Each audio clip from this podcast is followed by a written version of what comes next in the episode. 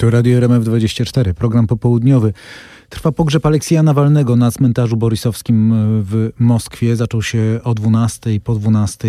Punktualnie najpierw msza pogrzebowa, teraz już e, trumna z ciałem Nawalnego została przywieziona na, na pobliski e, cmentarz. A razem z nami dziennikarz polityki, wieloletni korespondent e, polskich mediów w Moskwie, Paweł Reszka. Dzień dobry panu.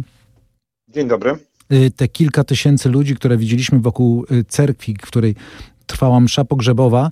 E, ludzi, którzy, którym groziło zatrzymanie za samo uczestnictwo w, w, tym, w tej uroczystości, czy też za obecność w tym miejscu i w tym czasie, to Pana zdaniem jest jakiś optymistyczny sygnał, jeśli chodzi o rosyjskie społeczeństwo? No to zawsze jest optymistyczny sygnał, jak widzimy taką e, lepszą Rosję, zaangażowaną Rosję E, Rosję, która e, potrafi być odważna, potrafi e, krzyczeć Rosja będzie wolna. Dziękujemy Ci Aleksiej. Oni nie tylko byli, to tysiące ludzi, którzy odważyli się rzeczywiście demonstrować, rzucać kwiaty na samochód przewożący katafalk, więc no, wyglądało to rzeczywiście świetnie. Zobaczymy i odważnie, no tak rzeczywiście inna twarz Rosji, zobaczymy co będzie dalej. Władze robiły wszystko, żeby to utrudnić. Wydano ciało z opóźnieniem, z, wyjście z metra było zablokowane, także nie można było iść e, do cerkwi. E, nie, nie wiedzieliśmy do końca, co się dzieje w cerkwi, bo zrobiono tak, że nie działał tam internet, więc nie można było e, przekazywać informacji ze środka, no ale Widać, że msza się odbyła i że teraz e, ciało już jedzie na e, cmentarz. Oczywiście cmentarz jest zamknięty, e, nie mogą tam wchodzić dziennikarze, więc jak widać władze robią wszystko, żeby te uroczystości zakłócić, żeby one były mniejsze niż chciałaby rodzina i fundacja Aleksja Nawalnego, ale to nie powstrzymało ludzi i to jest no, optymistyczne. By y, taki obrazek, takie zdjęcia, kiedy ludzie przełamali barierki przed e, cerkwią, żeby pobiec za samochodem, w którym e, była trumna z e, ciałem Nawalnego. Ja bardziej pytam o to, co pan sądzi, jak pan sądzi, czy to może być taki wstrząs dla rosyjskiego społeczeństwa, czy ta śmierć, ten pogrzeb może być wstrząsem i takim elementem, który obudzi społeczeństwo, czy też w gruncie rzeczy to poza Moskwę, poza Petersburg, poza wielkie ośrodki miejskie, to wszystko nie wyjdzie. Dobrze by było, żeby to był wstrząs, żeby to było coś, co e, obudzi Rosję, natomiast wydaje mi się, że szanse nie są największe. E, jeszcze rok temu, kiedy robiono e, badania na temat Aleksja Nawalnego, kim on jest i czy podoba się Państwu jego działalność, kiedy Aleksiej Nawalny już po otruciu nowiczkiem, po tym jak wrócił do Moskwy i został zamknięty w, w Łagrze, kiedy już ludzie, miliony ludzi oglądały jego filmy e, potępiające rosyjską korupcję, no mimo wszystko te, takie poparcie dla działalności Nawalnego to było rzędu 9%, jedna czwarta Rosjan go nie znała, ponad 50% mówiło, że nie podoba się im to, co robi Aleksiej Nawalny to jakie poparcie ma teraz Putin, czyli 83%, no to też świadczy o tym, że można mieć nadzieję, no ale y, to nie jest taka y, nadzieja, która, która może być duża na to, że coś się zmieni, że to będzie przełamane. Mhm. Monopol państwa na informacje, propaganda jest y, niesamowita. Ja wiem, że E, aparat Putina zrobi wszystko, żeby informacje o pogrzebie no, nie dostawały się e, do opinii publicznej, do prowincjonalnej e, Rosji. Już w chwili śmierci Nawalnego media regionalne dostały jasne rozkazy, żeby za dużo o tym nie mówić, a jeżeli mówić, no to tak, że w zasadzie Nawalny umarł z powodów zdrowotnych i że był przestępcą. Jak pan sądzi, czy, czy Teraz kto może być liderem antyputinowskiej opozycji? No wydaje się, że takim naturalną liderką jest e, żona Nawalnego. Czy, czy, e, czy to jest słuszny trop?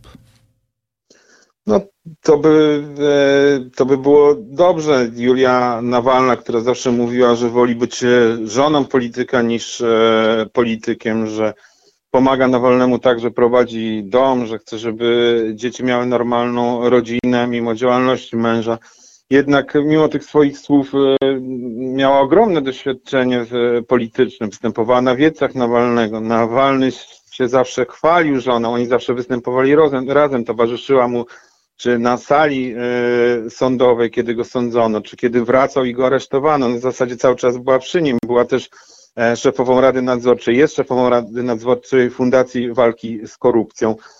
bardzo dobrze przemawia. Słyszałem kilka jej przemówień. Myślę, że kobieta jako przeciwniczka Putina, no to też będzie trudniejsze dla niego niż niż mężczyzna. Kobietę nie tak łatwo jest y, zaatakować w taki brutalny sposób jak, jak mężczyznę. Myślę, że miałaby szansę być kimś takim. On niby jest w polityce, e, niby wszyscy ją kojarzą, ale ma taki atut nowości, bo nigdy nie była tak e, mocno w polityce, nigdy nie, nie była przywódcą niczego, zawsze była koło swojego męża, więc miałaby szansę pewną jakoś zjednoczyć opozycję. Natomiast no, opozycja jest tak zatomizowana i w zasadzie większość z opozycjonistów albo siedzi w więzieniu, albo przebywa w wygnaniu, że to będzie bardzo trudne. Jak pan mówi o tej podzielonej opozycji, to uważa pan, y, że to przede wszystkim jest robota y, no mówiąc wprost, nie wiem, to jest robota służb putinowskich, ten podział wśród opozycji, czy, czy te, te podziały wewnętrzne jednak i y, pomysły na to, jak, jak ta Rosja ma wyglądać, są tak duże,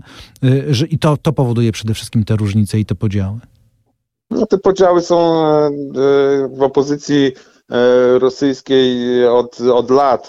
I wtedy, kiedy Putin zaczynał, oni byli podzieleni, kiedy Putin jeszcze nie był taki silny, a potem oczywiście służby, przekupywanie polityków, kuszenie ich rozmainitymi apanażami, no, zrobiły swoje, także represje, to, że tych jak Karemurze, tych, którzy się których nie da się przekupić, którzy nie dają się zastraszyć, po prostu zamyka się w więzieniu i y, egzystują w bardzo trudnych warunkach i no, niektórzy kończą tak jak e, Aleksiej Nawalny, tak właśnie zamknięto Olega Orłowa, 70-letni mężczyzna, zasłużony e, dla Rosji, współzałożyciel memoriału, został skazany za, na 2,5 roku więzienia za opublikowanie artykułu, w którym krytykował wojnę i nazywał wojnę wojną. Nazywanie wojny wojną w Rosji to już jest e, e, w zasadzie przestępstwo. Można za to pójść do więzienia, za wpis na Facebooku, za e, tęczową wstążeczkę we włosach. Za to wszystko w mhm. Rosji się, idzie się do więzienia, więc ci ludzie, którzy krzyczą wolna Rosja, którzy krzyczą dziękujemy Ci Aleksieju, no to są naprawdę odważni ludzie. A pan uważa, że ten powrót Nawalnego y, dzisiaj to, y, to był błąd. Trzeba było zostać za granicą, kierować y, czy prowadzić, y, próbować zjednoczyć antyputinowską opozycję, czy też nie da się, nie da się organizować ruchu antyputinowskiego, będąc poza Rosją? Wydaje mi się, że to jest bardzo trudne robić coś politycznego w Rosji, będąc, będąc poza Rosją. To się rzadko udaje, Rosjanie też tego nie lubią. Nawalny moim zdaniem to wiedział, bo to był no, polityk taki z Bożej łaski, niesamowity dar polityczny miał, dar, dar, dar przewidywania, więc myślę, że jeszcze wiedział, że e, jakie by filmy nie kręcił e, na temat korupcji w Rosji e, za granicą, no to nic nie zastąpi jego obecności tutaj. No ale widać, że jak to się kończy, no skończyło się to tragicznie. Natomiast no podjął walkę i zapamiętamy Nawalnego jako człowieka, który który się nie ugiął, który mimo tego, że wiedział, że pójdzie siedzieć, który e, mimo tego, że usiłowano go otruć i skutecznie prawie, że to się udało, no prawie umarł, gdyby nie jego żona, gdyby nie żona zażądała od Putina, żeby go wypuścił, e, gdyby nie wyleciał do, do Niemiec, do kliniki, to by go nie uratowano, więc wiedział, że, no, że grozi mu śmierć, wrócił zapamiętamy go jako odważnego, bezkompromisowego człowieka. Bardzo panu dziękuję za to spotkanie. Paweł Reszka, dziennikarz tygodnika Polityka, wieloletni korespondent mediów w Moskwie, był gościem radia RMF24. Dziękujemy panu. Dziękuję za zaproszenie. Dziękujemy, do usłyszenia.